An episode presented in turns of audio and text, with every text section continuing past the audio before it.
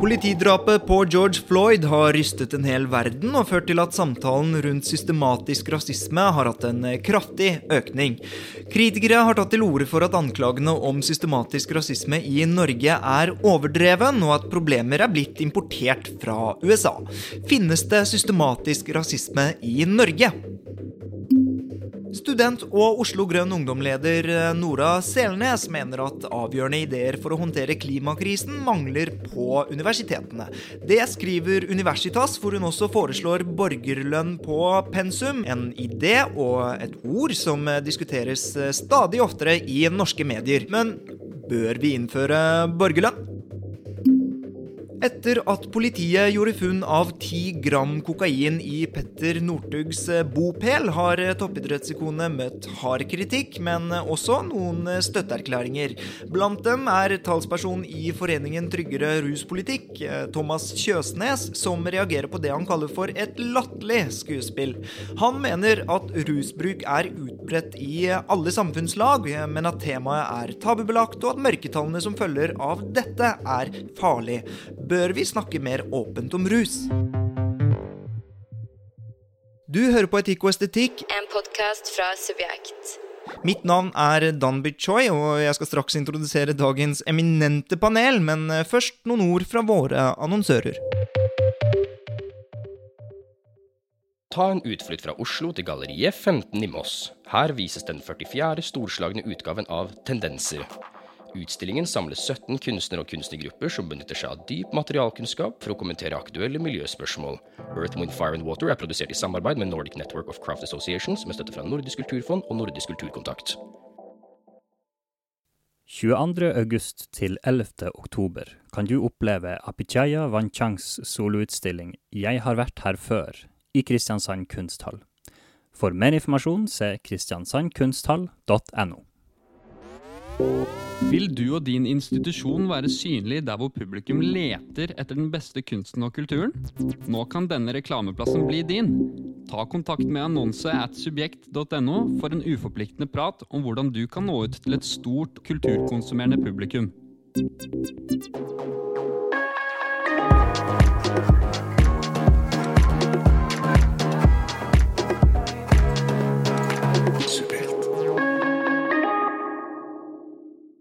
Med meg i studio sitter litt av en duo. Vi starter med deg, Maria Amelie, som er en prisvinnende forfatter og nå leder i Startup Migrants, et selskap som stimulerer innvandrere til å bli gründere.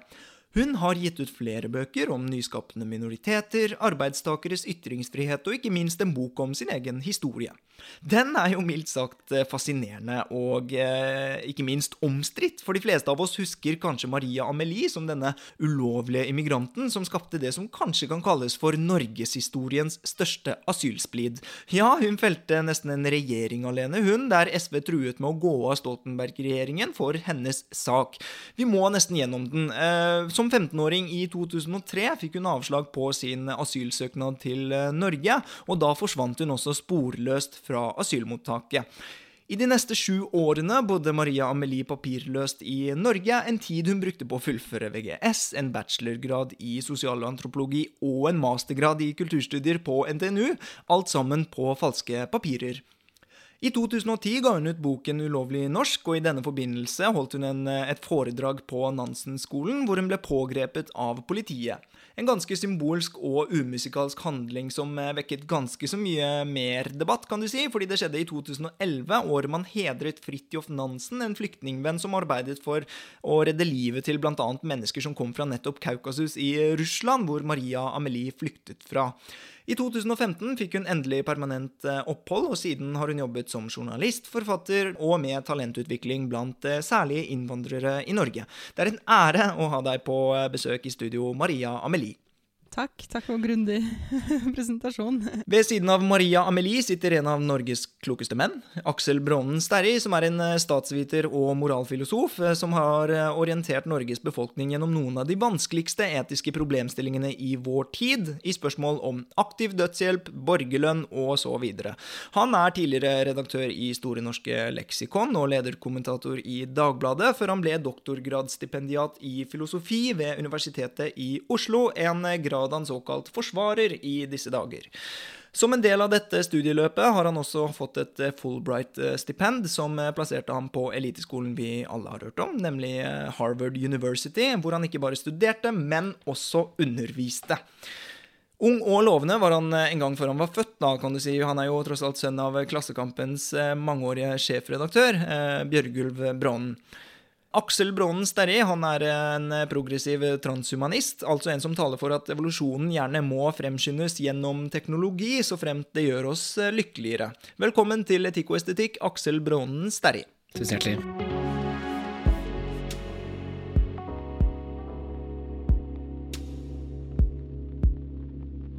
Politidrapet på George Floyd har rystet en hel verden og ført til at samtalen rundt systematisk rasisme har hatt en kraftig økning. Kritikere mener dog at anklagene om systematisk rasisme i Norge er overdreven, at vi ikke har den samme rasistiske historien som i USA, og at problemer kanskje er blitt importert. Spørsmålet er finnes det systematisk rasisme i Norge? Maria? Nei. Finnes det systematisk rasisme i Norge, Aksel? Ja. Svarer du det for å være politisk korrekt? Nei. Hvorfor svarer du nei på det spørsmålet, Maria? Um, jeg tror det er forskjell mellom systematisk og systemisk. Uh, og jeg tror uh, det fins nesten ikke noe systematisk rasisme i Norge. Hvor man systematisk, eller man har en sånn strukturell um, strukturelle tiltak imot uh, mennesker som er annerledes. Um, men uh, systemisk, ja, masse. Og gjerne som går litt på kanskje mentalitet. At man ikke kjenner nok til, uh, til folk fra forskjellige land. Man har kanskje aldri møtt dem. Og som fører til at man oppfører seg eller handler på feil måte, ikke ansetter dem osv. osv. Men det jeg også er veldig opptatt av, er at um, vi er jo ikke i USA, uh, og det er litt andre ting som gjelder uh, i Norge. Og i Norge så øker barnefattigdommen ganske mye. Uh, det er ganske sånn det, 10% av Norges befolkning er under den relative fattigdomsgrensen. Og det er ganske mange av de er barn, og mange av de innvandrerbarn.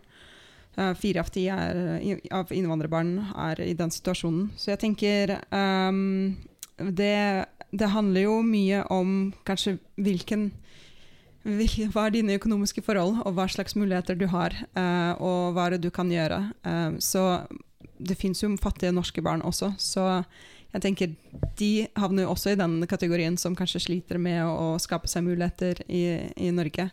Og hvis de uh, samfunnsforskjellene fortsetter å øke, hva, hva, vil Norge være da? Og da tenker jeg at det det, jeg er mye mer bekymra for det enn for systematisk uh, rasisme. Hva med deg, Aksel? Hvorfor, uh, hva er et eksempel på systematisk rasisme? Ja, så Det her er jo interessant. Det kan hende vi er egentlig mye mer enig enn jeg forventet når du svarte nei på det. For jeg ser ikke egentlig at det er noen forskjell på det jeg forstår som systematisk rasisme og systemisk rasisme. Uh, hvor begge deler er på en måte sant, Man kan si at man kan gjøre en uh, videre kategorisering. på en måte Det vil være på en måte Paraplybegrepet vil være systemisk eller systematisk rasisme, slik jeg forstår det. Og så kan det ta seg, gi seg utslag i institusjonell rasisme, når det er på en måte institusjonene våre, våre formelle institusjoner, om det er på en måte politikken vi har, eller hvordan måte politiet utfører sin gjerning.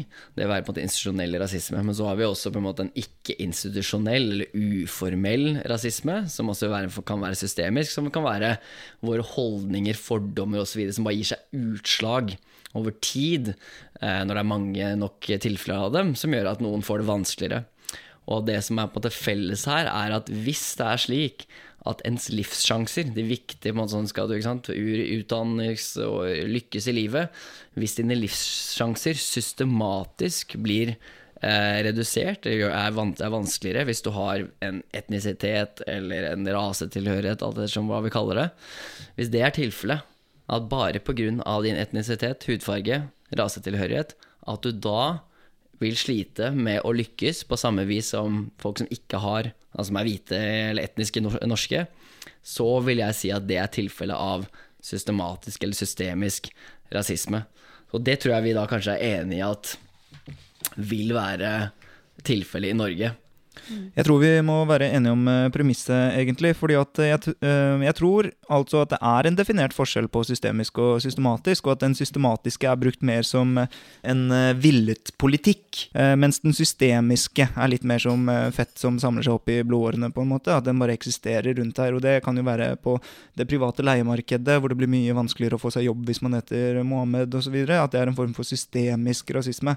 Mm. Ut ifra den beskrivelsen, da, eksisterer den? Uh, ja, det syns jeg er interessant, bare for å rydde mitt eget hode, og kanskje for lytteren, så kan man på det skille mellom uh, en rasisme som er intensjonell, ønsket eller ikke ønsket. Sånn, jeg ønsker at uh, svarte folk skal ha det verre i landet. Jeg ønsker ikke å ha dem i bedriften min, eller sånne type ting. Og så har du noe som kan være at om den er eksplisitt eller implisitt. Er det ikke at den er nettopp skrevet ned i de formelle statuttene til en organisasjon, eller er det bare en policy som alle bare forstår i bedriften, som er sånn Vi ansetter ikke uh, muslimer, eller hva det skal være. ikke sant? Så det vil være måte forskjell på om den er eksplisitt eller implisitt. Og så er det siste nettopp om den er institusjonell eller ikke institusjonell. Og det institusjonelle handler jo da nettopp igjen om om den er i en bedrift eller organisasjon eller i politikken, eller om den er bare sånn folk du møter dem på gata, nærmest, og den ikke-institusjonelle delen uh, av, av samfunnet vårt. Og jeg tror jo definitivt at det finnes tilfeller, det finnes nok veldig få tilfeller av den eh, eksplisitte eh, intensjonelle rasismen og institusjonelle rasismen, fordi det er ikke lov. Så du kan ikke skrive ned i statuten at vi slipper vi ikke ha noen innvandrere. Det går ikke, så derfor er det lite av det. Men er det slik at noen mennesker, og en ganske stor andel til og med, av nordmenn, har eksplisitte eh, rasistiske holdninger? Det er det jo ikke noe tvil om, tror jeg. Mens er det slik at politikken i stort, f.eks., eller de fleste bedrifter, har en systematisk eller systemisk rasistisk eh, politikk, eller, liksom er det en konsekvens at de favoriserer etnisk norske over andre? Ja og nei, tror jeg. Altså, ikke, det, er ikke, igjen, det er ikke skrevet ned. Eh, men er det slik at summen av f.eks. ansettelser, og der har vi jo noe forskning sant, som tyder på at når de har gjort veldig smarte ting. For det er vanskelig å på en måte forstå eller se ut fra tallene om folk blir eh, diskriminert mot eller ikke, ikke sant? på bakgrunn av eh, etnisitet eller hudfarge eller navn eh, som tilsier at en eller annen rasekategori. Så da kan man være sånn Jo, men de har fått 150 avslag. Sånn, okay, Kanskje det er fordi du ikke er talentfull nok, da. Men så har de jo da forsket på hvor de bare De egentlig har kunstige mm, Hvor de bare lager eh, nettopp kunstige søknad, eh, søknader, sender inn og bare endrer navn og har et, da, et uh, navn som er utenlandsklingende. Og da ser man jo at mange flere av de utenlandsklingende søknadene, selv om de da er klin like som de etnisk norske søknadene, blir kasta i, i båsen. Og da er det liksom Det er jo et tegn på at det iallfall er en form for Vi kan kalle det systemisk rasisme eller ikke, men at det er en form for diskriminering, det er det jo ingen tvil om. Men, eh, men, jeg vet ikke helt om du svarte på det spørsmålet, da, om eh, man systematisk i streng form, om man har liksom en ønsket, villet eh, rasisme i Norge. Og jeg tror ikke en enkeltperson kan sørge for systematisk rasisme. Jeg tror eh, det må være litt sånn Det må være systematisk, da. Ja, ikke sant? men det er det som er spørsmålet, om summen av For det er ikke slik at det er én arbeidsgiver, ikke sant. Så det vil være mange arbeidsgivere, mange lærere, mange Uliva, hvem det nå skal være, da. Som du det... møter i løpet av et liv. Som vil være da, og det her vi tror vi kanskje er enig i, at det, det, er ikke slik at de går rundt og tenker Nei, nå skal jeg gjøre livet vanskeligere for uh, muslimer, eller hvem det skal være. Men det er da resultatet av mange av de valgene. Så det er da, ifølge din definisjon av den systematisk Det er ikke systematisk, men det er muligens systemisk. Ja, jeg tror det kvalifiserer til systemisk, men, eh, men eh, nå har du jo eh, forklart i hvert fall hva slags rasisme det er. Vi trenger kanskje ikke nødvendigvis begrepet, da. Men du svarer nei på systematisk. Er det fordi at du ser så strengt på det, sånn som jeg liksom ja. melker det nå, eller? Mm, skal vi se, nå var det veldig mange ting i hodet mitt. Um, Så jeg tenkte Du var jo også i Boston, uh, og jeg har vært der den flere ganger i forbindelse med prosjekter. Um, og da bodde jeg veldig langt under Harvard. Uh, bodde i Roxbury, som var liksom litt mer uh, røft og mer mangfoldig nabolag. Uh, og der ble jeg veldig godt kjent med uh, en dame som har uh, skapt flere akseleratorer for lokale bedrifter, for virkelig jobbet for å jobbe mot gentrifisering og, og, hjelpe flere lokale gründere til å, få, til å kjøpe både eiendommer, til å skape kafeer, barer osv. Og, der i Boston så har du jo hatt problem med at det er ingen, nesten ingen afroamerikanere som har, som har skjenkebevilgning. Det er kanskje to-tre stykker som har det i hele Boston. Uh, så, så de, så, og det har vært en, egentlig bevisst, fordi man, har, man ønsker ikke å ha at Uh, at man, man, vil ikke at afroamerikanere samles på steder. Uh, og så har hun jobbet da veldig uh, systematisk med kommunen på, på, dette her for å skape flere ja, For å gjøre dem bevisst på at de gjør det, dette, men også for å, for å, gjøre folk bevisst på at de må skape arbeidsplasser for, for, å, for å, ha noe tilhørighet og for å holde liksom, på de plassene sine. Det var den ene tanken. Og, og jeg tror i Norge, hvis du skulle vært havnet i samme situasjon, så så lenge du har uh, regnskapsfører og du har god forretningsplan og du starter en restaurant eller bar eller hva det måtte være, så får du, så får du det til. Det handler ikke om, uh, om din hudfarge. Det kan hende at du vil få litt mer uh, inspeksjoner for, for, å sjekke hvorvidt du ansetter folk som ikke har lov å jobbe, men det handler mer igjen om på en måte antagelse om at hvis du, hvis du kommer fra det landet, så, så, så det er jo igjen liksom, i grenselandet mer systematisk systemisk. Og så var det et mm, mm. ting til som, som jeg begynte å tenke på. Uh, jo, uh, det vi også har lagt merke til, er at jo, to eksempler. Da. Hvitvaskingsloven eh, i banker. Da, for, for, at hvis du kommer um, Den funker sånn at hvis du kommer fra, land, fra visse land, så er det veldig vanskelig for deg å åpne bankkonto for bedriften din. Hvis du kommer fra Syria, og du til og med har uh, kommet til, uh, til Tyskland med papirer, og du søkte ikke asyl, du kom på arbeidstillatelse, så har vi møtt gründere som har slitt i mange mange måneder med å skaffe seg bedriftskonto.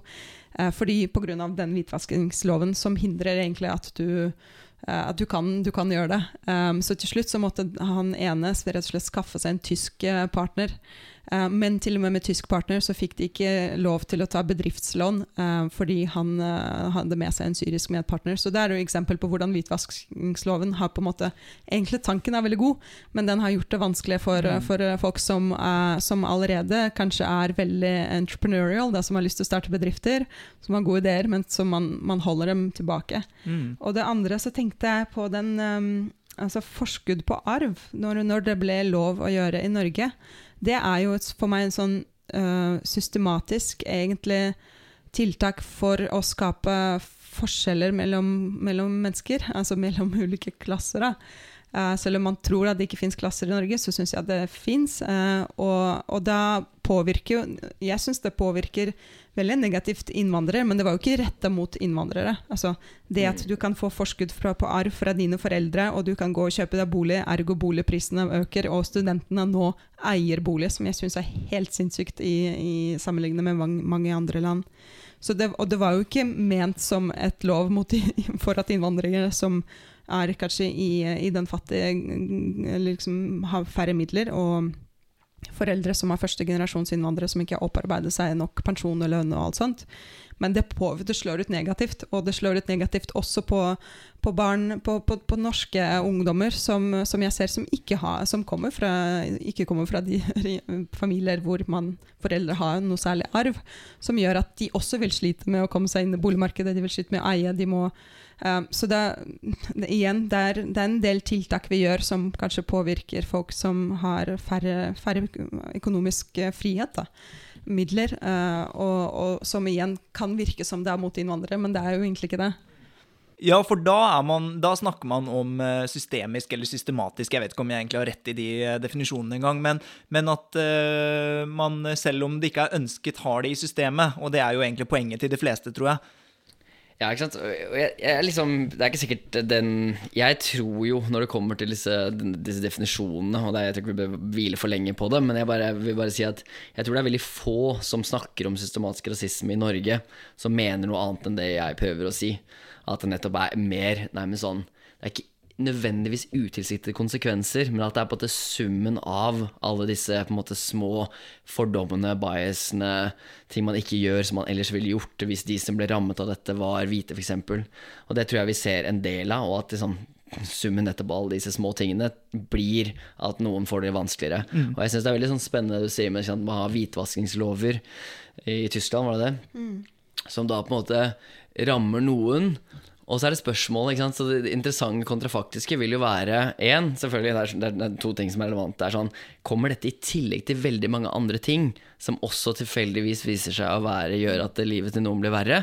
Så det er én ting man må tenke på. at Hvis dette bare var én barriere, én ting som ble vanskelig for noen som ikke har hatt det noe vanskelig tidligere, så ville det vært sånn ok, det er en ting vi må leve med, kanskje. Men hvis dette kom på toppen av mange andre ting som var kjipt, så må vi tenke mer om helheten i dette her, og det er det man ønsker å kanskje få fram med det systematiske rasismen. Og så er det en annen, som er denne kontrafaktiske tingen, som er når man ser disse konsekvensene. Man ser at noen da som kommer fra Syria, sliter med å starte en bedrift. Tenker man ja, ja, jo, det er greit nok, men det er jo bare noen syrere. Eller, ikke sant? Og da er det sånn det kontrafaktiske være hvis dette var en tysker en eh, som har bodd i Tyskland, og hele familien har vokst opp i Tyskland, så ville man tenkt ok, dette er en politikk vi må se på, vi må gjøre noe med disse konsekvensene, sørge for at det ikke skjer. Og det vil nok være ikke sant, igjen noen vil kalle det systemisk rasisme eller institusjonell rasisme. Igjen så tror jeg ikke igjen begrepene er det viktigste, men mm. det er det vi må se på. Om det er sånne type ting som skjer, om vi da kan gjøre noe med den politikken som føres. da. Hvordan, hvordan arbeider man med systematisk eh, eller systemisk eller institusjonell eller bare rasisme da i eh, Norge? Vi har jo laget et system for hvordan kommuner kan uh, jobbe for at uh, flere um, innvandrere lykkes som gründere. Uh, fordi vi har funnet ut at det handler ikke om bare Du kan godt være supergründer, super, men hvis du møter på en del hindringer, så, så, og hvis du ikke har god nok støtte i økosystemet, så vil du slite. Um, så da har vi gått til kommunen og sagt at dere må gjøre det og det og det for at dere skal rett og slett lage et bedre system for å, for å ta imot, og både for å oppdage flerkulturelle gründertalenter, men også gi dem den støtte, støtten de, de, trenger for at de skal skape arbeidsplasser i kommunene deres uh, og, og, hindre fraflytting osv. Så, så Så der ser vi at det, det hjelper rett og slett å gjøre folk bevisst på det. Um, og, og, snakke om det i den, i den, offentlige debatten. Det tror jeg også, uh, også hjelper. Um, og så har jeg sett en del I USA så har jo man hatt en del ordninger for å hjelpe folk å komme, komme inn, på boligmarkedet. For jeg syns det, det, med bolig er så viktig i Norge. Og man, jeg, jeg, har selv har fortsatt ikke kommet uh, Jo, endelig. Nå har jeg endelig kommet meg inn på boligmarkedet. Men det tok meg veldig lang tid å forstå hvorfor det var viktig, og hvordan jeg skulle gjøre det, og, og hvordan jeg skulle spare penger uh, til det. For jeg hadde rett og slett ingen rundt meg som egentlig forklarte det til meg. Noe som, uh, kanskje noen som vokser opp i en annen familie, og med familie faktisk, ville vært mye mer bevisst på det og ville spart penger til det mye, mye, mye tidligere. da. Jeg, jeg tenker at uh, altså man, kan jo, liksom, man kan skille mellom i hvert fall to grove ting. Så enten er jo på en måte prøve å uh, gi, ha veldig sånn konkrete virkemidler rettet mot innvandrere, f.eks., eller barna av innvandrere eller tredje generasjon, alt ettersom, eh, for å gjøre situasjonen lettere fordi det er en, en, en mulighet. Det skaper nok veldig ofte store konflikter. Og det er nok ikke så ofte veldig effektivt. Jeg har litt, litt tro på sånn rollemodellogikk, så jeg tror ikke det er helt for dumt om DNB satser mer på å inkludere mennesker som tydelig har en annen uh, bakgrunn enn norsk, etnisk norsk 100 år tilbake. Så det tror jeg er betydning, både for at vi som er etnosnorske på en måte ser å ja, det fins kompetente mennesker som ikke er helt hvite. Jeg tror det er faktisk viktig. Og jeg tror mm. nettopp det å kunne se at å ja, det er faktisk sånne som meg Eh, de har sentrale posisjoner i norsk samfunnsliv. Jeg tror det er viktig. Mm. Men det aller aller viktigste er nok politikk som bare løfter som du vel er enig på, Maria, som løfter alle. Eh, som gjør det lettere å være fattig i Norge. Eller som gir flere muligheter. Bedre skoler i områder hvor det er dårlige skoler fra før av. Sørge for at eh, ja, arbeidsledighetstrygden er sjenerøs nok. Sånne type ting. Det som er vanskeligere, tror jeg, er at det er noe sånne Når vi snakker om systemisk rasisme, og det tror jeg er litt av grunnen til at noen vil snakke om systemisk rasisme, er at det er en del debatter som har å gjøre med kultur. Eh, som blir skjøvet under teppet. Og jeg tror på en måte vi De kommer til å Akkurat nå er vi liksom inne i et eh, litt sånn moment hvor vi diskuterer disse tingene uavhengig av kultur. Men så må vi tilbake til det. Og det er de debattene som er vanskelige. Som er f.eks. Man kunne tenke at det er bra med kontantstøtte, det er bra med borgerlønn, det er bra med de ting, type tingene der, for det gjør tross alt situasjonen lettere for en del innvandrerforeldre. Men det er også den negative konsekvens av at færre innvandrerforeldre eller innvandrermødre er i arbeidslivet, sånne type ting. Så det er sånne type konflikter. Og det som også gjør at det er forskjell mellom USA og Norge, er jo nettopp det at liksom, som sier, En ting er at de har historien med den systemiske rasismen, men det er jo også det at det er ikke noe tvil om at svarte i USA er amerikanere. De har vært der i 400 år. De har vært undertrykt. De har den fæle historien. Men det er litt vanskeligere å si så, så man kan si, Hva er følgen av det? Jo, følgen er jo at de bør behandles som like amerikanere. Og hvis det er store forskjeller mellom svarte og hvite, så må det nesten være en konsekvens av den lange undertrykkingen som har skjedd. Så selv om det ikke skulle skje nå, men jeg tror den fortsatt skjer, men selv om det skulle skje, så vil det være historisk urettferdighet. Men hvis du kom til Norge for ti år siden, så er det ikke noe rart at ikke du har like mye penger eller er like på en måte integrert i eh, norsk samfunnsliv som det en del andre som har bodd her lenge å gjøre. Det vil bare være en naturlig følge av sånn er det å flytte til et nytt land. Så vi må på en måte greie å skille de tingene der. Ved at vi har innvandring gjør ting mer komplisert. Kulturforskjeller gjør ting mer komplisert enn å bare si se, det er vanskelig å være brun i Norge. Jo, men det avhenger litt hvordan type brun du er. For hvis du kommer fra én type land, så ser det ut til å gå veldig mye bedre. Og det kan da ikke bare forklares av rasisme fra nordmenn. Det må forklares av andre ting.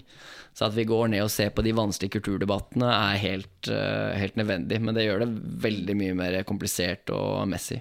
Ja, fordi at eh, ikke minst så uh, er det jo uh, innvandrere fra forskjellige land til forskjellige land ender opp med å bli, få helt forskjellig status også. I Canada og i USA så er jo somalierne de aller beste innvandrerne med, med, i, i, lys av jobb og så videre.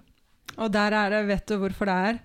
Fordi man gjorde et studie av uh, bl.a. folk fra Balkan som flyktet fra krigen, uh, og som kom til eh, Danmark og kom til Norge. Så man sammenlignet etterpå hvor godt de ble integrert. Så de som er i Norge, de ble jo veldig godt integrert. Mens i Danmark så sliter det fortsatt uh, mange fra Balkan med, med, å tigrere seg. Og der handlet det rett og slett om hvordan man tok dem imot. Um, fordi de på I Danmark så ble alle sakene vurdert individuelt. Så så fort familiene folk ankom landet, så ble det sittende i mange måneder og uro og uvisshet hvorvidt de får lov til å bli eller ikke. Mens i Norge så gjorde man sånn veldig sjenerøst og så bare sa ok, alle får bli.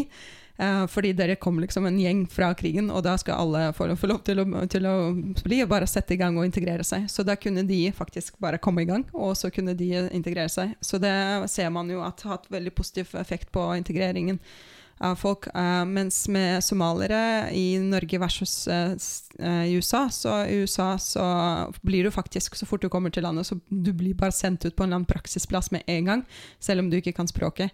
Mens i Norge så er alt knytta til, til, språket, og du starter på introduksjonsprogram som tar gjerne lang tid. særlig hvis du, hvis du, sliter med å lære deg språket.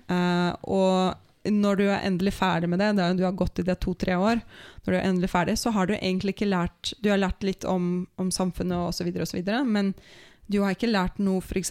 om det å starte for seg selv, eller starte noe bedrift. Eh, du får beskjed at du må finne deg jobb.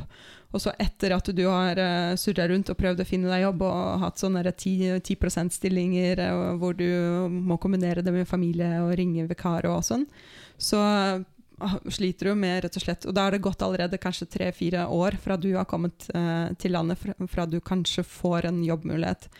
Så um, når det gjelder um, entreprenørskap, jeg er helt enig med det du sier, at det er viktig med tiltak egentlig som, handler, som påvirker alle.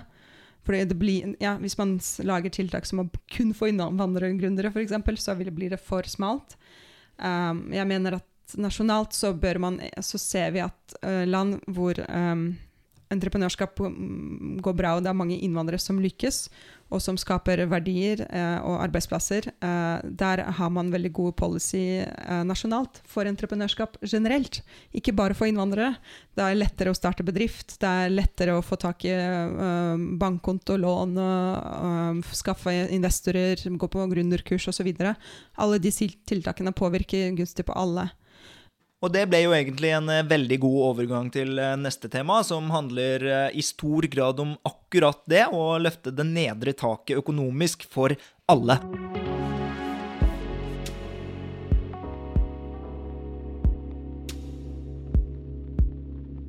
Borgerlønn. Ja, det høres jo ganske chiller'n ut, det egentlig.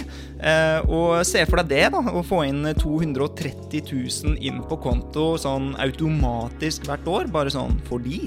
Bare fordi du er medlem i samfunnet, og at de som genererer mest, ikke så ulikt eh, velferdsstaten eh, i Norge, egentlig, eh, betaler skatt nok. Men det er jo ikke Forskjellen her er jo det at du får penger inn på konto i stedet for disse godene og sosialtjenestene, da. Som man vel bare kvalifiserer til hvis man eh, kan dokumentere at man eh, ja, ikke klarer å få seg jobb osv. Så, videre. så selv velferdsstaten vil jo være veldig pushende på at eh, man skal ut i arbeidslivet så fort som overhodet mulig.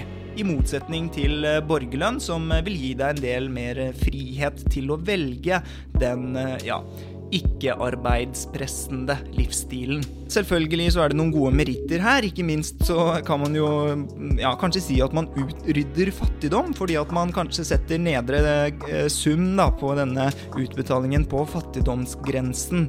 Eh, og hvis den er på 230 000 og alle får utbetalt det, og folk bruker det litt fornuftig selvfølgelig, så kan man jo på en måte si at man har utryddet fattigdom.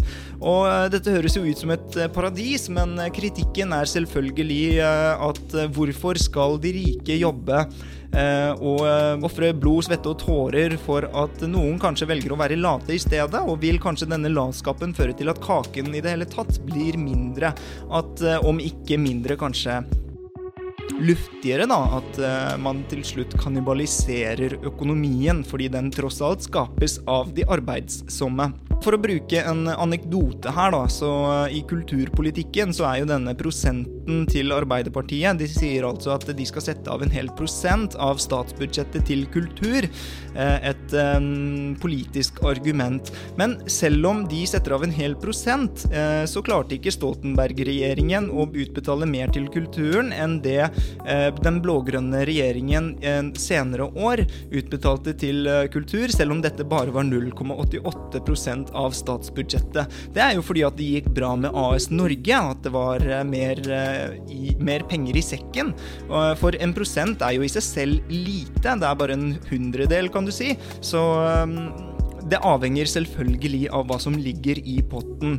Og eh, nå skal jeg ikke være partisk her, fordi at AS Norge det har gått bedre for hvert eneste år, så 0,88 eh, året etter hadde vært enda mer, og 1% hadde igjen selvfølgelig vært enda mer av disse pengene. Så er spørsmålet da om Arbeiderpartiets politikk hadde skapt mer penger i denne potten, og det trenger vi ikke å spekulere i. Poenget var med denne lange, store anekdoten å si at latskap kan komme med borgerlønnen, og at man gjennom borgerlønnen mot sin vilje og hensikt kanskje får et eh, økonomisk fattigere samfunn.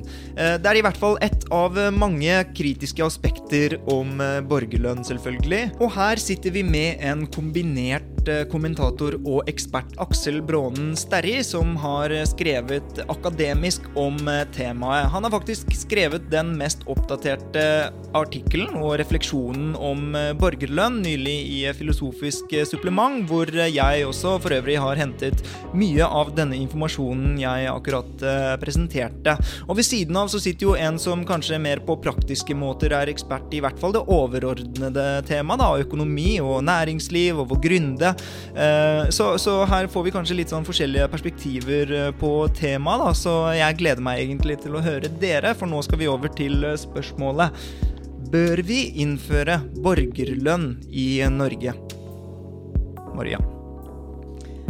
Det var det spørsmålet. Jeg visste ikke om jeg skulle svare ja eller nei, så det blir nja. ja, dere får lov eh, til å svare det med ett unntak. Eh, hva med deg, Aksel? Avhengig av om det er full eller delvis borgerlønn. Men hvis det er full borgerlønn, så sier jeg nei. Men hva er egentlig forskjellen på full og delvis eh, borgerlønn? Ja, altså En full borgerlønn vil være en lønn det går an å leve av. Altså Det er snakk om at staten gir deg en lønn som du da kan leve av. Spørsmålet hva det er, selvfølgelig, men det kan være kanskje lønn på relativt fattigdomsgrensen. Så det kan være 200 000, 230 000 eller noe sånt. Det vil konvergerer EU, OECD, kanskje også Norge, eh, på cirka. da. Mens derimot en delvis borgerlønn vil være det du har i Alaska, f.eks. Hvor har, de har et sånn lignende oljefond som det vi har, men istedenfor at det bare går inn i en sånn for, for sånn stort fond som skal gå til etterkommerne våre, Så det gir de ut sånn omtrent 14 000 kroner i året, tror jeg det er nå, eh, til sine innbyggere. Så det vil være en delvis borgerlønn. Det kan også være sant, opp til da f.eks. 150 kanskje, 150 000, 200 000 vil være delvis borgerlønn. da. Jeg tror egentlig når vi definerer full borgerlønn, så sier jeg også nei til det. Det vi har sett på når det gjelder entreprenørskap i Norge, er at det er egentlig færre og færre som starter bedrifter i Norge, hvis man ser 50 år tilbake så var grunnen ånden egentlig mye sterkere. Man eh, starta store bedrifter. Altså, vi sitter her nå på Grünerløkka, og her i området som fantes noen av Nordens største eh, industribedrifter. Alt fra sjokoladefabrikken til en sånn fin eh, nøkkelfabrikk som jeg fant ut mens jeg satt hjemme og googla, eh, og mange flere. Um, og det vi, vi, er nå, er et land som har vel, svær eh, offentlig sektor og ganske få fortsatt. Det er folk som starter bedrifter, men det kunne vært flere. Også med borgerlønn. Uh, hvor stor er risikoviljen da uh, til å starte noe? Eller kommer du til å tenke nei, jeg har, uh, jeg har jeg, Tenk om jeg mister den borgerlønnen, tenk om jeg mister de pengene når jeg starter opp, og så ender jeg opp med i, mer i minus. Det kan jo føre til at man kanskje er mye mindre risikovillig og mye mindre lyst til å, til å, til å skape noe som ikke bare skal være en arbeidsplass for deg selv, men også arbeidsplass for andre, mange andre mennesker. Ja, eh Eh, Aksel, du er i hvert fall for en eh, delvis eh, borgerlønn, men tror du ikke dette vil eh, føre til latskap? Ja, det er det som er det interessante spørsmålet, og jeg tror faktisk at når det kommer til det spørsmålet om gründere, så har jeg faktisk tro at liksom på nettoen eh, så tror jeg faktisk at dette vil skape flere bedrifter. Så er spørsmålet om det vil være godt på lang sikt, da, om det vil være bedrifter som faktisk lykkes eller ikke. Men jeg tror nettopp at sant, det vi har i dag, er jo nettopp som du sier, en sjenerøs måte. Vi har en sjenerøs velferdsstat med arbeidsledighetstrygd, hvis du blir syk, så har vi sykelønn osv. Så, videre. så dette er jo ting som du på en måte, du får en form for støtte fra staten hvis det går gærent med deg. Men ulempen med arbeidsledighetstrygden, hvis, hvis, hvis, du mister jobben, eller du har lyst til å si opp jobben, si opp jobben, så har du ikke krav på arbeidsledighetstrygd engang. Men si at du mister jobben, så må du jo gå hele tiden hos Nav og på en måte rettferdiggjøre og si at ja, jeg, søker på jobb, jeg lover at jeg gjør det, og hvis ikke du får jobb med en gang, så må du på aktiveringskurs osv. Og, og det er jo ting som både stresser folk, og som gjør at de tar, sant, det tar opp tiden til mennesker. da. Så hvis du i den fasen der heller kunne fått en forutsigbar inntekt på 230 000 kroner, det er ikke alle som vil leve av det, men det gir likevel en forutsigbarhet i livet. Og jeg tror det kunne fungert for en del folk til å si ok, nå tar jeg et år og jeg prøver å starte opp en bedrift den ideen som jeg alltid har hatt, kanskje, det vil være mulig. Det tror jeg vil være en bra ting med borgerlønn. Men så tror jeg det er mange andre eh, ulemper med borgerlønn. Og det kan jo være som du sier, når det kommer til latskap, så kan det hende at det, for noen så vil dette her stimulere til mer gründervirksomhet, mens for andre så vil det være slik at dette her er, kanskje jobber de en utrolig hard jobb, en kjedelig jobb, som i dag kanskje gir dem 280 000 kroner i året. Da er spørsmålet gidder de å stå i den jobben der hvis de, heller, hvis de kan få 230 000 kroner av staten isteden. Og det tror jeg mange av dem vil da enten velge å jobbe litt mindre, eller kanskje ikke velge å jobbe i det hele tatt. Men tror du ikke gründere skaper bedrifter etter behov? Da? Og at eh, hvis man ikke ser det fra eh, gründerens perspektiv, men kanskje forbrukernes perspektiv også, at det vil eh, kanskje for klimakrisen gjøre en fin ting, men at det vil være et fattigere samfunn, da? Altså Hvis du mener at eh, ethvert behov på en måte blir tilfredsstilt i markedet, som det er noen som tror på, på en måte, at det er sånn, eh, markedet fungerer så perfekt at hvis det er et behov der, så vil noen komme og fylle det, så er det jo sant at det har jo egentlig ikke så mye å si. Uh, men det tror jeg ikke nødvendigvis er tilfellet. Jeg tror definitivt det er masse folk som sitter og må på en måte overbevise folk om at her er det en ting du kanskje ikke har tenkt på at du trenger. Og mange vil jo på venstresiden, kanskje Grønn Ungdom, Grønn Ungdom-lederen, vil si at det er et problem, for dette har jo da ikke sant, Det er slik at eh, man bruker reklame osv. til å skape behov som folk ikke egentlig har. Og så blir ikke folk noe lykkeligere, men de bruker mer og mer. Men jeg tror det også kan være en positiv ting. Ikke nødvendigvis at folk bruker mer, mer på ting de ikke trenger, men det å finne nye ting, finne opp nye ideer som ingen egentlig har forestilt seg, det er jo gründerens jobb. Og at da ikke det, at det behovet bare ligger der, det tror jeg ikke nødvendigvis på. Det, jeg tenkte på det du sa med Nav. Altså, vi har jo uh, undersøkt og snakket med en del folk som jobber med Nav, med ordningen som heter dagpenger under etablering. Og så har vi snakket med folk som har prøvd å søke den ordningen. Og selv om den tanken er god, så det som skjer, er at, uh, at det er ganske mange som ikke får uh, penger på det. Eller så må de virkelig kjempe til seg til uh, de pengene gjennom Nav for å, for å kunne grunde det, og samtidig gå på dagpenger. Og etter å ha sett egentlig ganske mye av offentlig sektor i Norge i forbindelse med jobben vi gjør, hvor vi jobber ganske tett på kommuner, så, så slår det meg at ja, borgerlønn det er en, en, debatt for seg selv, men også hvilket land det innføres i. Fordi jeg tenker I Norge så har vi egentlig ganske fragmentert uh, offentlig sektor, og, og svær offentlig sektor. Og så har du masse forskjellige tiltak uh, som kanskje ikke altså der Vi har møtt noen fra Nav som har aldri hørt om den dagpengerutableringordningen og hvordan den funker, selv om de er en del av et, uh, av et samme system. Og For å bruke et eksempel, for eksempel Tyskland under koronakrisen så fikk jo alle de små og mellomstore bedrifter alle sammen fikk eh, støtte basert på omsetningen fra 2019, med noen få unntak. Så du trengte ikke gå og søke sånn som du måtte gjøre i Norge. Så du fikk mellom 5000 og 50 000 euro for å kunne drive videre. Eh, så det sparte offentlig sektor masse tid med å behandle masse søknader, og så kunne de bedriftene heller fokusere tid, tiden sin på, på, å skaffe oppdrag og ta vare på sine ansatte. Mens i Norge så ble det, bare som et eksempel på en innføring av et tiltak, så ble det jo, det er jo masse, vært masse klaging og, og, og masse u, uenigheter om hvem som skulle ha fått de pengene, og hvem som ikke skulle ha fått det, og hvordan det ble implementert. Så det er jo det tenker jeg også med borgerlønn. Ja, for det du sier der er jo egentlig ganske borgerlønnaktig. Hvordan tror du gründere i Norge Eller hva, hva hadde skjedd med norske næringer hvis man ga alle litt sånn mer flatt, da? Altså, Norge er jo allerede et utrolig bra land å starte bedrift i. Det er veldig lite byråkrati. Eh, du kan registrere Vi holdt på å sette opp et selskap eh, i Tyskland nå, og det, det har tatt oss ukevis med, med, med, papirarbeid, eh, mens i Norge så kunne vi gjort det her så mye fortere. Uh, og det vi ser nå, er at selv om man, det er veldig fint og flott å starte selskap i Norge, så er det jo færre som starter. Så, så hvis vi har borgerlønn i tillegg, så tenker jeg det kommer til å være færre som, som tar risiko, da. Jo, ikke sant? Og det, det, er jo det som er en fare. Jeg tror ikke vi vet så mye om hvordan arbeidstilbudet vil endres hvis du hadde innført en borgerlønn. Uh, det fins jo noen eksempler, de har eksperimenter på dette her, men da er ofte de pengene du får, er på en mindre størrelsesorden enn 230 000 i året. Så, men det er likevel noen som sier at greit, får folk disse pengene, så er det jo ikke nok til å leve av for veldig, veldig mange.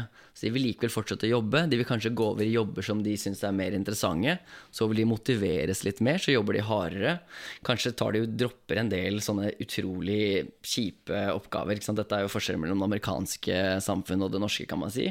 At det er en del jobber som ikke vi har lenger. Så jeg var i USA et år nå, og da står jo folk og pakker poser for deg når du kjøper mat på butikken. Det her ser du veldig sjelden i Norge. Og det sier jo mange, det skyldes at det er dyrt å ha folk ansatt i Norge, så da er det masse arbeidsplasser som ikke lenger skaper skapes. Men vi skaper andre fordi vi, det blir et press mot å måte, få innovasjoner, eh, få inn kapital for å lage mer effektive bedrifter, og så kan du også lønne folk eh, mer. Så det er liksom den dynamikken man håper på. Jeg tror likevel nettosummen blir at ganske mange velger å ikke arbeide. Så at det blir en mindre kake, som du sier. Ja, fordi på et eller annet eh, tidspunkt Eller det har faktisk kanskje noe med roboter og sånn å gjøre også, fordi, og bullshit jobs. Eh, jeg skulle til eh, Russland faktisk en gang, og så etter å ha vært ganske mange turer til London og viste passet mitt til en automat eller en robot versus denne personen, og så tenkte jeg det her er så kjipt å sitte åtte-ti timer hver eneste dag og sjekke om et menneske er det samme som på bildet. Dette blir jo veldig relevant for Maria på flere måter.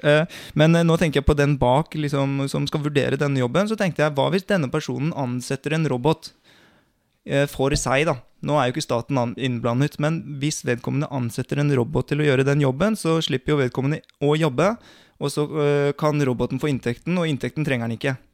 Så øh, hva blir det? Ja, bare når du sa det, så tenkte jeg på et case. Uh, det var en fyr som hadde som jobbet i en IT-bedrift, som hadde bare outsourcet sin egen jobb ja. uten å si fra til arbeidsgiveren okay. til uh, noen i India eller Kina, og bare og, og gjorde det i mange, ganske mange år, helt ja, til det ble oppdaga. Ja, for da blir jo ikke kaken mindre. Ja, det er jo ganske store konfidensielle ting som var på avveie, da. Mm, så det var jo litt farlig. Så det, altså, ja, nå har jeg jo intervjua også ganske mange til norske og um, alle mulige uh, teknologigründere eh, og vanlige gründere. Og det er ikke sånn at man er, eh, man er, lat. Jeg tror de som velger å starte bedrifter, ofte altså i Norge velger å starte fordi Ikke så mye fordi de mangler penger, men kanskje fordi de har lyst til å få til noe. Og de har en eller annen drøm, og de trives egentlig ikke i det vanlige arbeidslivet, og, og de, de, har en eller annen idé. Så det er jo ofte folk som starter teknologibedrifter, som er veldig drevet av, eh, av det der, da. Og da tenker jeg, for dem så tror jeg ikke det har så mye å si om det er borgerlønn eller ikke. De kommer til å bare kjøre på fordi de vil skape noe. Men så er det jo noen av de som blir tvunget til å starte noe. Sånn som under koronakrisen, så, jo, så er det ganske mange som har uh, plutselig bare satt i gang noe, og så har det blitt vellykka, og så plutselig så er de gründere, så de blir liksom snubla inn i det. Uh, og det er ikke sikkert uh, det, Jeg tipper vi kommer til å gå glipp av den type gründere som, som, snubler i det, som plutselig oppdager at de har et talent for det, fordi man, man, har, man har, ikke det lenger det økonomiske behovet til å, ja, til å starte noe. Men, uh, men, hva er det som egentlig Hva er det staten må tilrettelegge for at det skal ja, blomstre? Um, I Norge for eksempel, så når det gjelder Du spurte om innvandrergrunner, Så ser vi at uh, det er veldig uh, det er veldig få tall på antall, uh, antall AS, aksjeselskaper, som innvandrere starter. Det er veldig mye tall på enkeltmannsforetak. Ja, hvordan går det ut ordtaket 'what gets counted gets managed'? Ja, ja, det er godt, godt, sagt. ikke sant? I Sverige så er det jo så mange innvandrere som lykkes med uh, bedrifter som vokser. Uh, skalerbare bedrifter med mange mange ansatte. Fordi der har man generelt i hele samfunnet hatt st mye større fokus på AB, altså aksjeselskap. Uh, mens i Norge så, så, teller vi ikke det. De aller siste tallene fra 2018 handler om enkeltmannsforetak og, og innvandrere på landsbakgrunn, men ikke AS. Og det er ganske mange som, som skaper ting her. Så jeg tenker eh, hvis man hadde jobbet mer bevisst mot å, å, sende folk i retning av aksjeselskap, så ville vi fått eh, mange flere selskaper som kanskje ikke går konkurs, da. Men alt dette ansvaret osv. handler jo om mangel på penger og midler og risiko.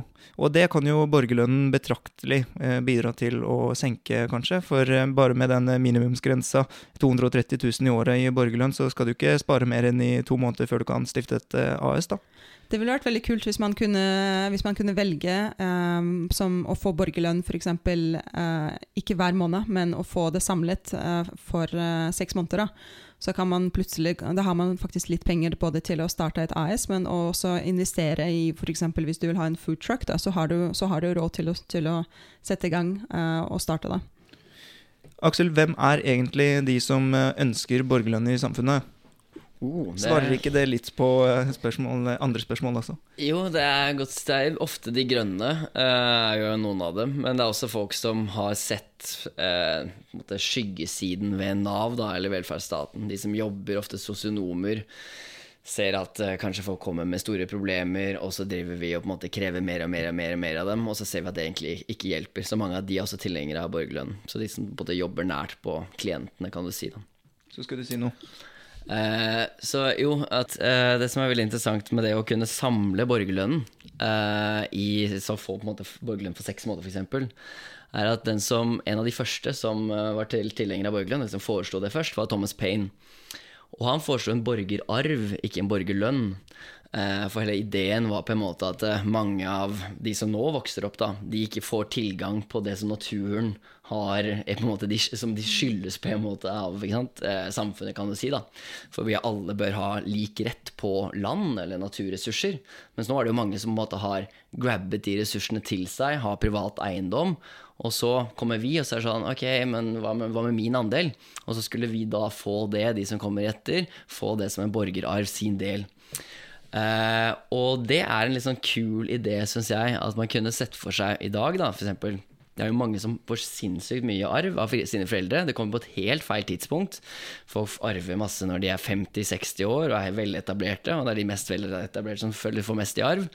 Men kunne man ikke sette for seg et system, og så er det selvfølgelig masse diskusjoner om arveavgift og sånne type ting, men et system som hadde høyere skatt på arv og eiendom og andre typer ting, som så ga alle ungdommer si det her når de er 18, noen vil kanskje tenke at 18-åringer er for unge, kanskje når de er 21 eller 25, så gir du dem 500 000 eller mer, som de kan forvalte enten som de vil, bruke det på fyll og fanteri, eller at du sier dette her forbeholder vi til enten skole, altså kanskje f.eks. Skole gode, skoler i utlandet, eller at det forbeholdes bolig for å komme inn på boligmarkedet, eller at det forbeholdes det å starte en gründerbedrift. Det er interessant, og det burde vært mulig. Vi har pengene til det. Ikke sant? Halv million til alle 20-åringer, men det hadde krevd at vi nettopp tar fra noen som har altfor mye i dag. Da. Men hva skjer Jeg, jeg syns det er en kjempegod god idé, men så tenker jeg men hvis det her skal bli innført til Norge, så kommer det til å igjen bli en sånn svær eh, slags borgerlønn Nav da, som kommer til å forvalte det, og det kommer til å bli, igjen bli så mye papirarbeid for å, få, for å få orden, for å få delt ut penger til alle. Hvis du velger den modellen som skal øremerke det, så ville det kunne, kunne det vært et problem. Mm. Derimot, hvis det er en sånn ok, vi, gir, vi stoler bare på at 21-åring eller hva det skal være, kan bruke de pengene som de selv vil. Noen vil selvfølgelig bruke dem på en dårlig måte, men det, er bare, det kan selvfølgelig folk som da arver private penger, også kan bruke mm. de på en dårlig måte. Så det er bare en risiko vi som samfunn tar, nettopp for å unngå alt det der kontrollhysteriet. Så det er mulig hvis man er litt for redd for det, så kan man lene i andre retning og si at nei, da bare stoler vi på folk. Dette her er tross alt deres penger. Det vil jo være det Thomas Paine argumenterer for. Det er ikke sånn at liksom vi gir dem til dem som en gave. Nei, dette her har du krav på som medlem av dette samfunnet her fordi det tross alt er andre som okkuperer de ressursene du ellers hadde fått tilgang på. er iallfall argumentet. Ja, og så lurer jeg jo på, hva er egentlig forskjellen på borgerlønn og øh, en velferdsstat? Det er som du har vært inne på, dette med at du kan, altså uansett hva du tjener, uansett hva du har gjort, uansett hvor måte, dydig eller slem du er, så har du krav på å få en viss sum fra staten i måneden. Og det vil da nettopp være hvis det er full, som sagt, så vil det være 230 000 kanskje, og hvis det er delvis, så kan det være alt opp til det. Eh, og det er dette her eh, vilkårsløse som er det spesielle med det. For når det kommer til velferdsstaten, så har velferdsstaten to sider ved seg. Så en side er jo tjenestesiden, så det vil være det alle kjenner. Utdanning, barnehage, eh, kanskje eldreomsorg. Det er alt det er eksempel på tjenester som enten staten faktisk drifter selv, eller at den finansierer, og så er det private som drifter det. Og så har du den siden som er på en måte hvor du får ytelser. Uh, og det kan være eksempel på arbeidsledighetstrygd, det være sykepenger, men også andre som er sånn sosialstønad, f.eks. Og det som er litt sånn vanskelig med borgerlønnsdebatten, er jo det at eh, det spørsmålet er jo hele tiden, for det koster jo ganske mye penger. Det koster to tredjedeler av uh, utgiftssiden til statsbudsjettet noe sånt nå, å få ha en borgerlønn på 230 000. Så da er det spørsmålet hva skal den erstatte? Eh, er den ment å erstatte ut den ytelsessiden til velferdsstaten, eller er den eh, ment å erstatte også tjenestesiden? Skal vi kutte støtten til utdanning, skal vi kutte støtten til barnehager osv.? Eller er det arbeidsledighetstrygden som skal ryke, er det sykepengene som skal ryke? Og det som jeg tenker er det, altså, det som gjør dette litt eh, vanskelig, men som gjør at jeg heller mot borgerlønn, er at til tross for dens mange styrker, så vil den nettopp måtte erstatte noe. Og når den begynner å måtte erstatte noe, så er det mange, mange mange bra ting som ryker. Og det som er spesielt Nå snakker jeg lenger, men altså det som er spesielt eh, problematisk, tenker jeg, er at det som gjør at vi har råd til å ha såpass sjenerøse ordninger som vi har i dag, som f.eks. med sykepenger, hvor du får 100% opp til hva er det, 6G eller sånt, opp til 550 000 eller 600 000 eller sånt, får du støttet av myndighetene når du er syk i et år. Det gjør jo at du, siden sant, du ikke gir til alle, da må du smøre pengene tynt utover. Ikke sant? Du alle 230 000, så kan du altså gi noen som faktisk er syke, 600 000. Du kan gi noen som blir arbeidsledige, 400 000. Og du burde kanskje gjøre det mer sjenerøst. Men ikke sant? Så det som er fordelen i dag, når du nettopp sier det er enkelte behov folk har, og vi skal møte de behovene, så kan du på en måte spare pengene som du ville brukt på borgerlønn på å gi til alle, til de spesielle behovene. Og da kan du gjøre det mer sjenerøse. Da vil middelklassen også få eh, mer enn de vil gjøre med en borgerlønn. De trenger ikke gå til private ordninger, ha privat sykeforsikring, privat støtte til arbeidsledighetstrygd, privat hva det skal være. De vil kunne lene seg på staten, og da vil du over tid også kanskje få mer støtte om de ordningene. Mens hvis du derimot bare har borgerlønnen, så vil kanskje folk fra middelklassen tenke ok, jeg får jo 230 000 kroner utbetalt, men jeg må jo skatte mye mer. Så i sum så får jeg egentlig ikke så mye lenger. Jeg får ikke lenger arbeidstrygd, jeg får ikke lenger sykelønn, kanskje får jeg heller ikke barnehage, kanskje ikke får jeg heller ikke de tingene der. Og da blir dette her en ytelse til de fattige, og dermed så undergraver kanskje ordningen seg selv over tid. Du hører på Etikk og Skjerre! Og med det går vi over til eh, neste og siste tema, ruspolitikk. Men eh, først noen ord fra våre annonsører. Ta en utflukt fra Oslo til Galleriet 15 i Moss. Her vises den 44. storslagne utgaven av Tendenser. Utstillingen samler 17 kunstnere og kunstnergrupper som benytter seg av dyp materialkunnskap for å kommentere aktuelle miljøspørsmål. Earth, Wind, Fire and Water er produsert i samarbeid med Nordic Network of Craft Associations med støtte fra Nordisk kulturfond og Nordisk kulturkontakt. 22. august til 11. oktober kan du oppleve Apichaya Wanchangs soloutstilling Jeg har vært her før i Kristiansand kunsthall. For mer informasjon se kristiansandkunsthall.no. Vil du og din institusjon være synlig der hvor publikum leter etter den beste kunsten og kulturen? Nå kan denne reklameplassen bli din. Ta kontakt med annonse at subjekt.no for en uforpliktende prat om hvordan du kan nå ut til et stort kulturkonsumerende publikum.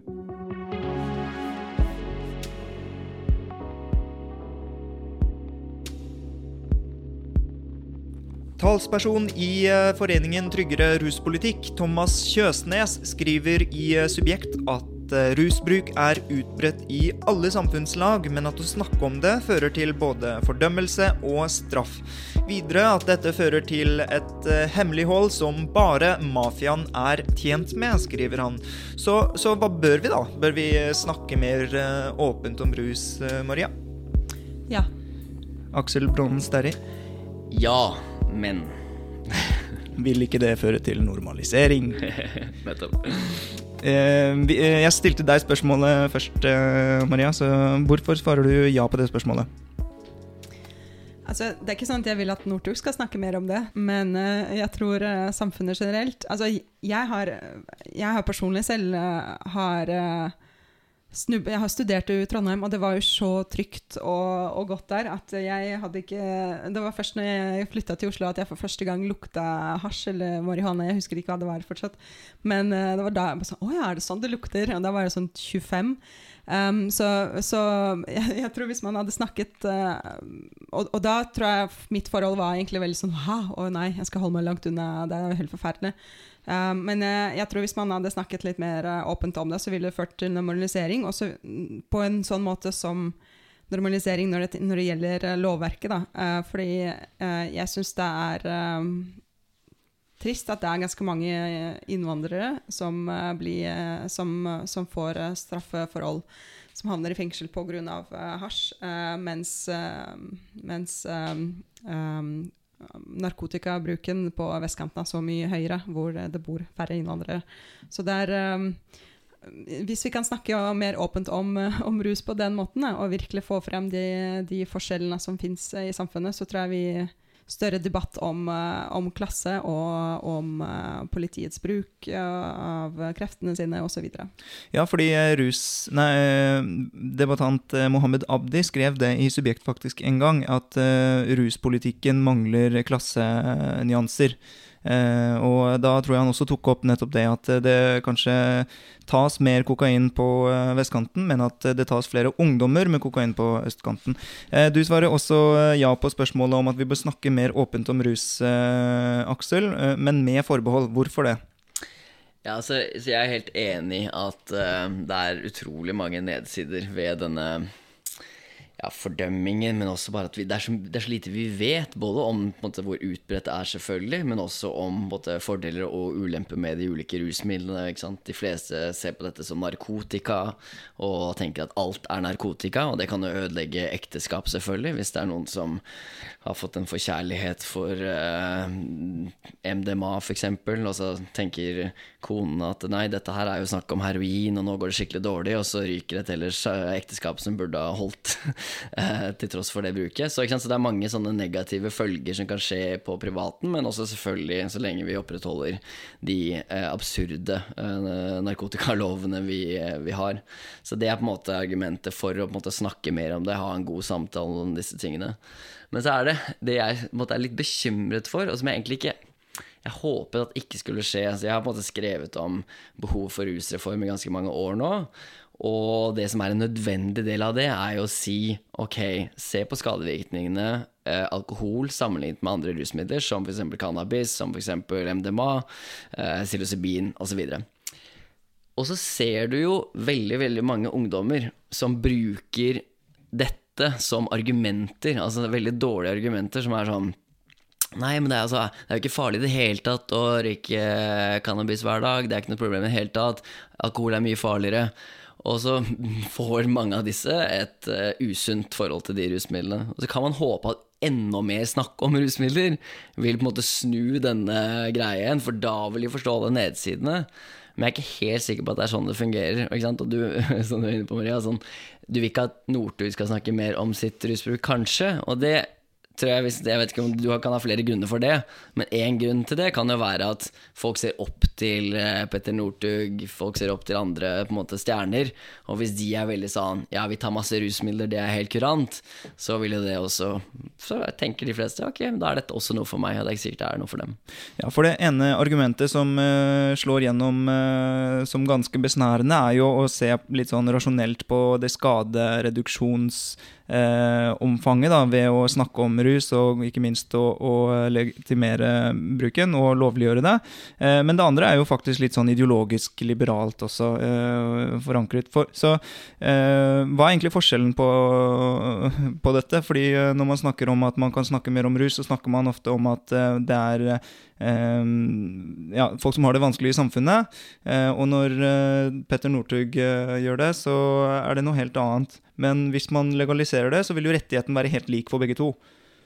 Hva er egentlig forskjellen der? Vil, du sa det jo, hvorfor er det ikke synd på Petter Northug, da, som bruker rus? Like mye som andre? Altså, han jeg reagerte på noen av de forsidene som, som altså Personlig så som person, som en medmenneske, så, så, så, tenker jeg han er i en tøff, uh, tøff situasjon. Men uh, når jeg ser de forsidene, og så tenker jeg Men da, da vil jeg gjerne høre også fra de som, som har havna i fengsel, som kommer fra helt annen samfunnsklasse enn han, om hva er deres historie. Fordi de historiene hører vi egentlig aldri. Hva er det som har ført til at disse menneskene begynner å ta, ta kokain eller hasj, eller hva det måtte være. Uh, så det er den ujevnheten, altså den, den skjevheten, som jeg syns er litt uh, vanskelig. da. At uh, en person som kan få så lett oppmerksomhet, og som har en talerstol i Norge, kan snakke om disse tingene, men la oss da få noen andre til å snakke om det også, da. Og der er jo kanskje medienes rolle, og, men også de som kjøper aviser. Da. Jeg skjønner jo at de setter Northug på forsida, fordi der vil folk kjøpe avisen. Men hvis de setter en, en, en, en, annen gutt som ikke er kjent, så vil, vil, ingen gjøre det.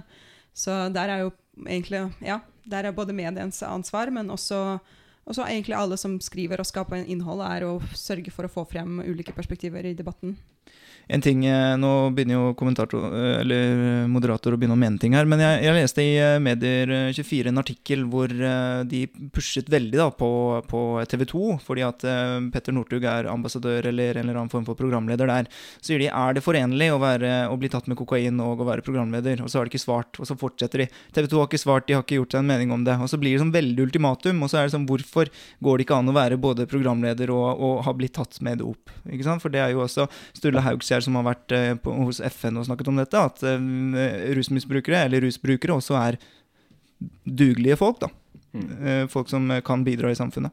Men, men, han skriver spesielt at det bare er mafiaen som tjener på, på hemmeligholdet. Hvorfor er det det? Altså, Det er ingen tvil om at mafiaen tjener uh, på altså, en ting er en måte, Det avhenger liksom hvordan det argumentet går, da, men det er ingen tvil om at man, de tjener på dagens forbud mot rusmidler. Og det er ikke bare avkriminaliseringen som det er snakk om at man skal få til en endring, slik at man ikke lenger puttes i fengsel eller får store bøter for å bli tatt med uh, dop, men også at uh, Mens legaliseringsbiten, som er det neste, er jo det sentrale. ikke sant? At vi f.eks. kan kjøpe alkohol på, på polet og på dagligvarebutikken butikken, det er en form for legalisering, regulert omsetning av de rusmidlene. Og det er det du trenger for å ta fra slemme folk, mafiaen, eh, andre folk, eh, muligheten til å ha monopol på det å selge rusmidler i dag.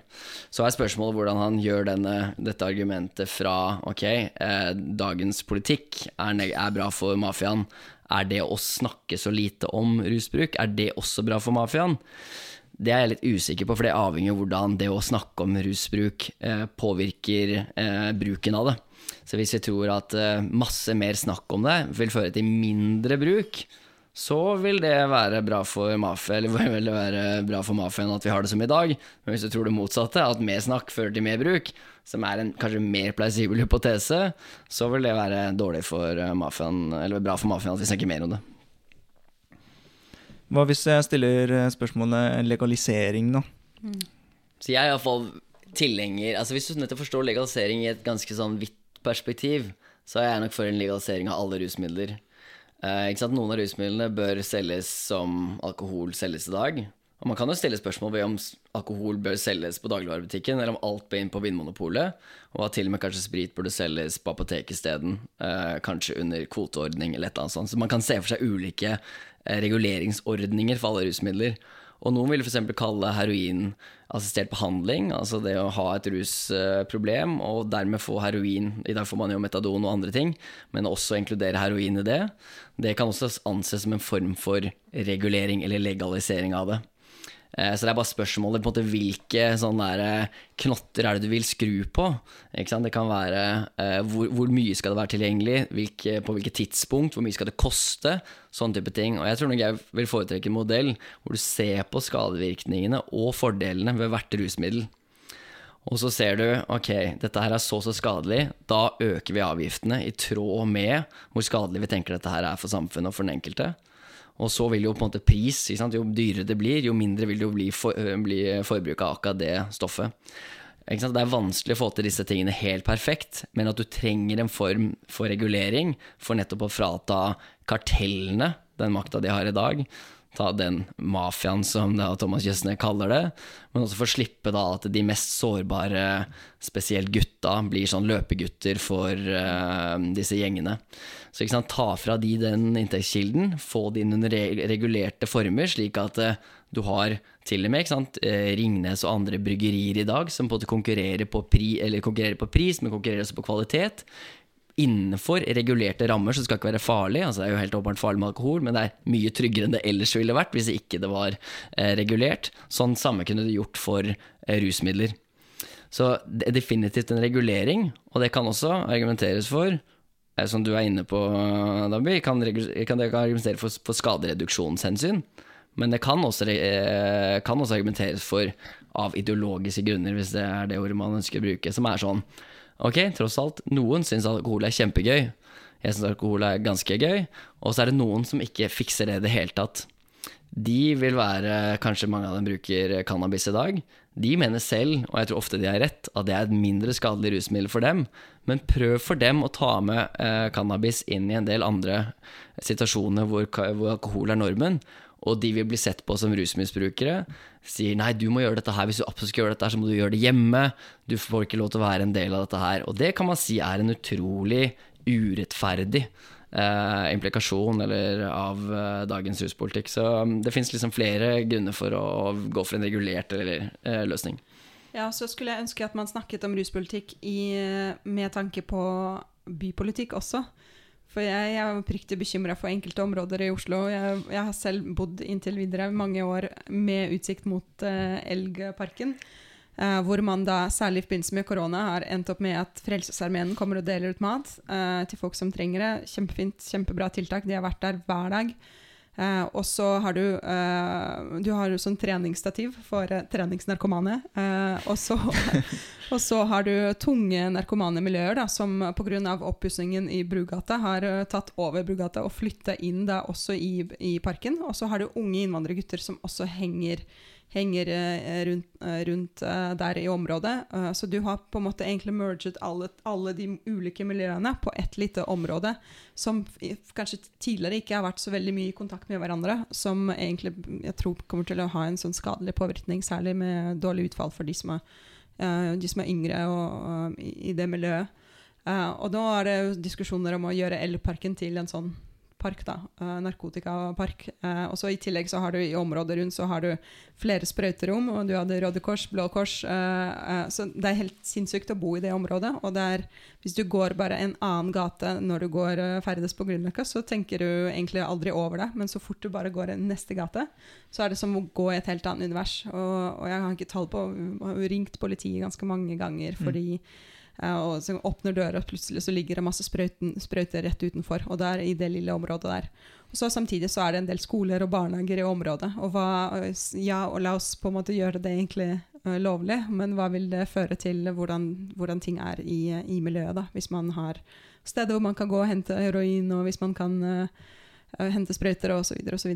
Ikke sant. At en legalisering og regulering vil gjøre det ryddigere? da, på en måte gi det Kanskje det vil gjøre ryddigere, men kanskje det vil føre til ansamlinger på visse steder. Da, til Nettopp. folk som kommer og henter også, sånn som med sprøyterom. Så, så, er jo all, så fort de henter, eh, så er jo folk i området rundt omkring i busker. Så har jo gått til legevakta flere ganger og sagt dere må gå og sjekke, sjekke den personen om han lever, om han har det bra eller ikke.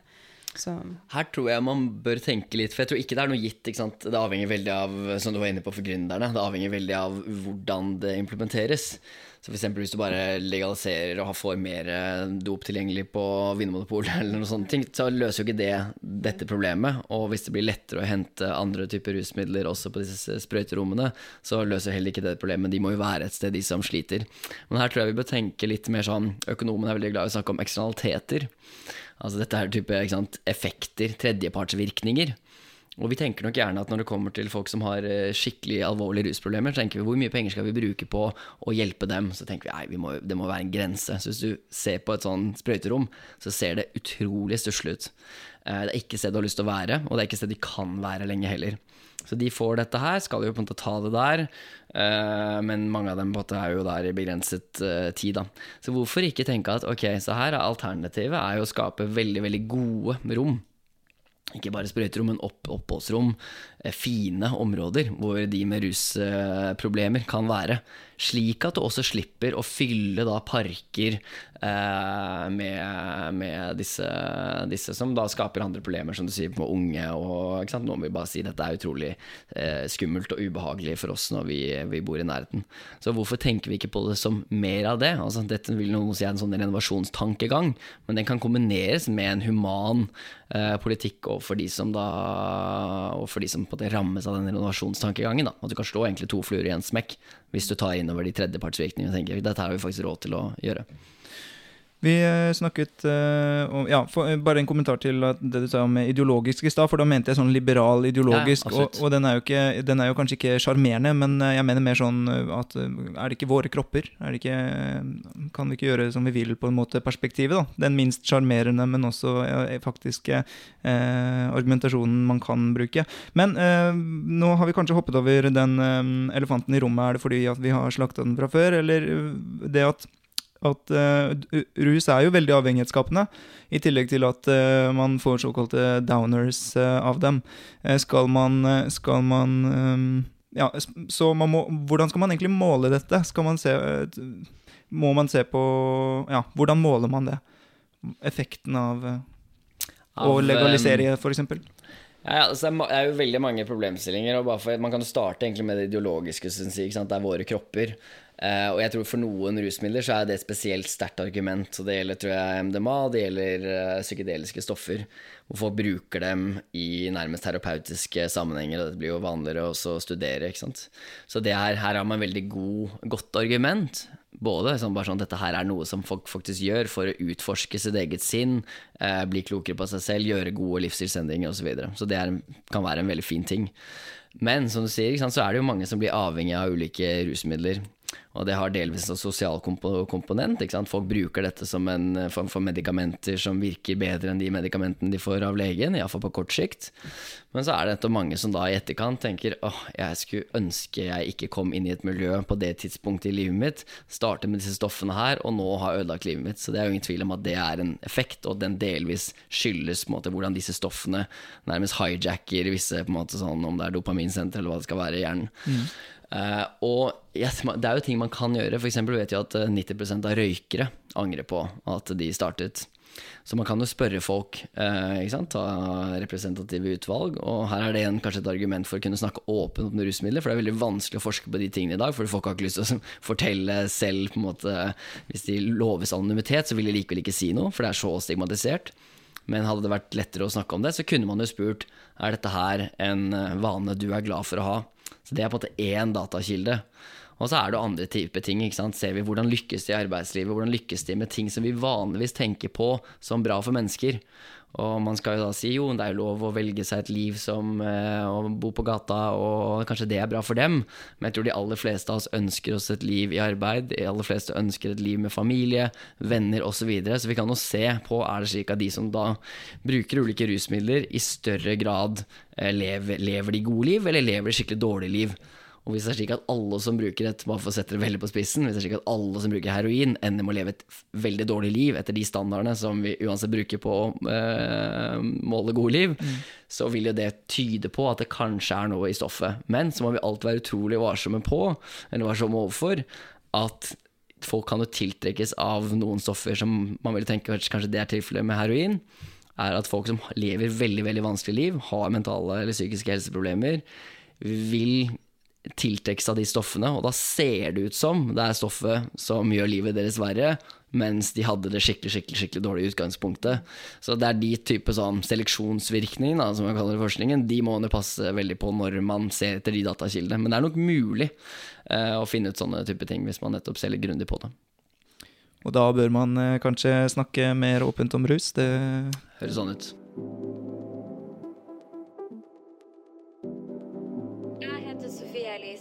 Hører på Etikk og estetikk.